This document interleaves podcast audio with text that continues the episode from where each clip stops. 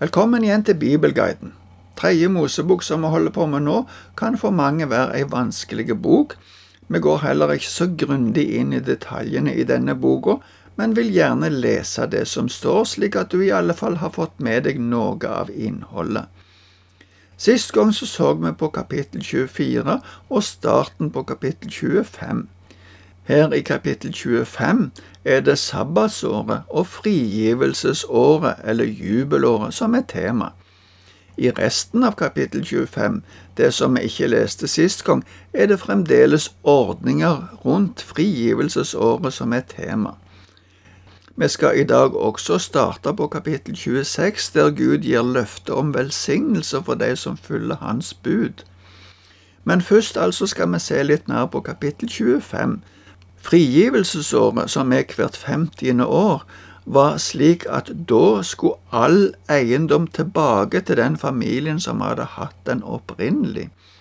Det forklares det litt mer nå, ifra vers 23, og vi leser nå helt fram til vers 34.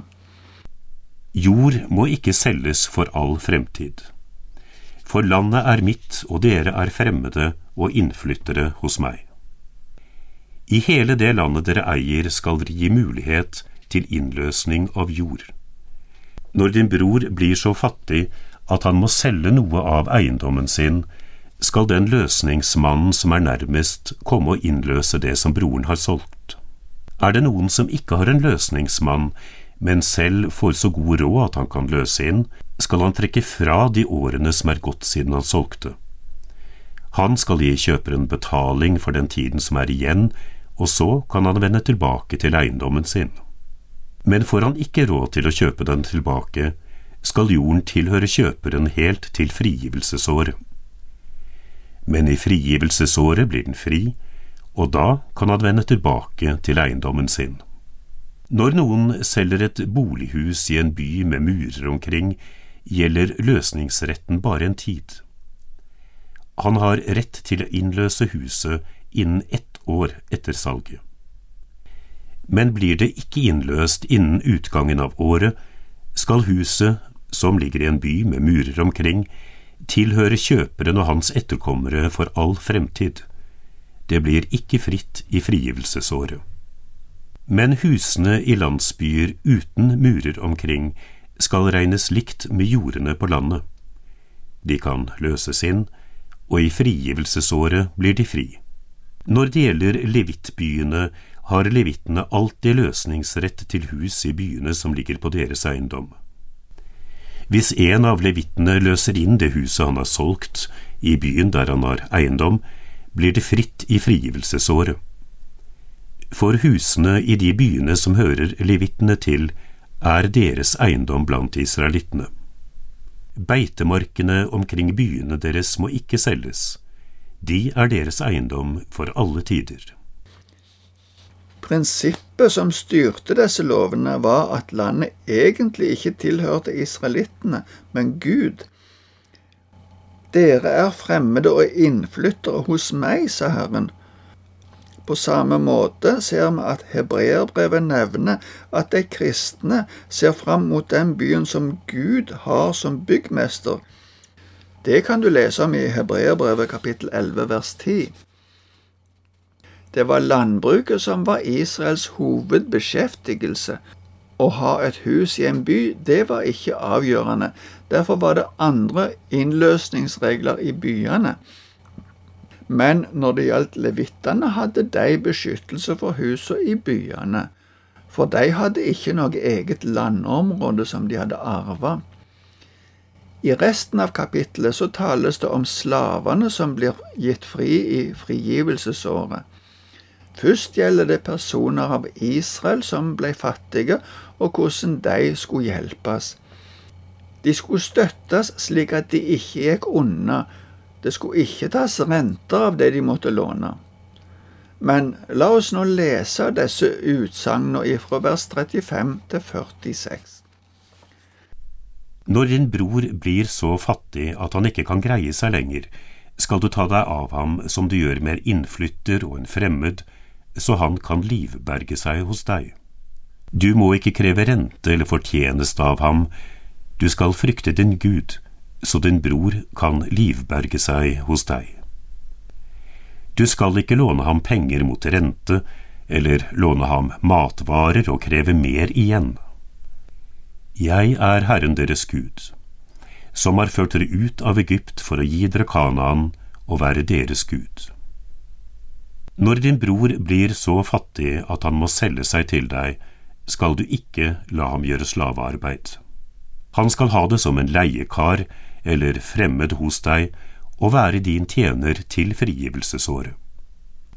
Da kan han flytte fra deg, både han og barna hans, dra hjem til sin slekt og vende tilbake til sine fedres eiendom.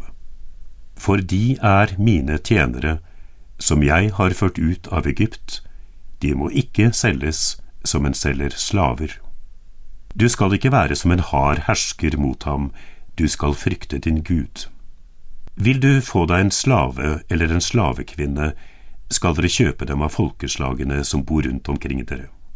Dere kan også kjøpe slaver av de fremmede som holder til hos dere, og av etterkommerne deres som bor hos dere og er født i landet. Dere kan eie dem, og dere kan la dem gå i arv til barna deres etter dere, så de kan eie dem for alltid. Dere kan bruke dem som slaver men blant dine brødre israelittene må ingen være som en hard hersker mot andre. Hvis noen av innflytterne på en eller annen måte ble slaveeiere, så skulle noen av de som var i slekt med han som ble slave, prøve å løse han ut ifra de slavekårene som han hadde kommet inn i. Her kom en oversikt over hvem som hadde dette utløseransvaret. Vi leser ifra vers 47 og resten av kapittelet til vers 55. Det kan hende at en innflytter eller en fremmed hos deg får god råd, mens din bror som bor nær ham, blir så fattig at han må selge seg til denne innflytteren eller denne fremmede, eller til en som er av innflytterslekt. Da skal han kunne løses ut etter at han har solgt seg. En av brødrene hans kan løse ham ut, eller en onkel, en fetter eller en annen av hans eget kjøtt og blod. Får han råd, kan han gjøre det selv. Da skal han og den som har kjøpt ham, sammen regne ut tiden fra det året han solgte seg og til frigivelsesåret, og kjøpesummen skal deles på antallet år. Det skal være som om han hadde vært leiekar hos ham. Er det ennå mange år igjen, skal han betale tilbake en tilsvarende del av summen og slik kjøpe seg fri. Men er det få år igjen til frigivelsesåret, skal han regne etter og betale en løsesum som svarer til disse årene. Han skal være som en leiekar hos ham år for år. Du må ikke tåle at den fremmede er som en hard hersker mot ham. Men blir han ikke løskjøpt på denne måten, blir han fri i frigivelsesåret, både han og barna hans. For det er meg israelittene tjener. De er mine tjenere som jeg har ført ut av Egypt. Jeg er Herren deres Gud. Igjen ser vi at begrunnelsen er at Herren er Israels Gud. Derfor er det viktig å følge Herren og ikke lage seg andre guder. Det kommer det mer om i kapittel 26. Det er rike løfter knyttet til å tru på Herren og følge Han. Men det er òg ord om fordømmelse for de som ikke tror. Vi skal i dag ta med oss de første 13 versene i kapittel 26, og vi leser dem nå. Dere skal ikke lage dere avguder, ikke reise gudebilder eller steinstøtter, og ikke sette opp billedsteiner i landet deres og tilbe dem, for jeg er Herren deres Gud. Mine sabbater skal dere holde, og min helligdom skal dere ha ærefrykt for. Jeg er Herren. Hvis dere følger forskriftene mine og gir akt på budene mine og holder dem, vil jeg gi dere regn i rett tid. Jorden skal gi grøde og trærne på marken frukt. Hos dere skal tresketiden vare helt til vinhøsten, og vinhøsten skal vare til kornet blir sådd. Dere skal spise dere mette av eget brød og bo trygt i landet deres. Jeg vil gi fred i landet, og dere skal legge dere uten at noen skremmer dere. Villdyrene vil jeg rydde ut av landet, og sverd skal ikke herje i landet deres. Dere skal forfølge fiendene, og de skal falle for sverd foran dere. Fem av dere skal jage hundre, og hundre skal jage ti tusen. Fiendene skal falle for sverd foran dere. Jeg vil vende meg til dere og gjøre dere fruktbare og tallrike jeg vil stå ved min pakt med dere. Dere skal spise det gamle kornet helt til dere må fjerne det for å få plass til det nye. Jeg vil reise min bolig midt iblant dere og ikke ha avsky for dere. Jeg vil vandre midt iblant dere. Jeg skal være deres Gud, og dere skal være mitt folk. Jeg er Herren deres Gud som førte dere ut av Egypt for at dere ikke skulle være slaver for dem. Jeg brøt i stykker stengene på åket deres, og jeg lot dere gå oppreist. Gud lover å gi folk velsignelser på mange måter, både rik avling på jordene og fred med nabofolk, og at villdyra ville bli utrydda. Det er mange gode ord òg i Det nye testamentet der Herren lover velsignelse for de som følger Han. Vi skal få bu i et godt land, og det landet vi til slutt skal komme inn i, er et land der alt er bare godt. Der er det ingenting som er vondt. Den som tror på Jesus som sin frelser, vil komme inn der.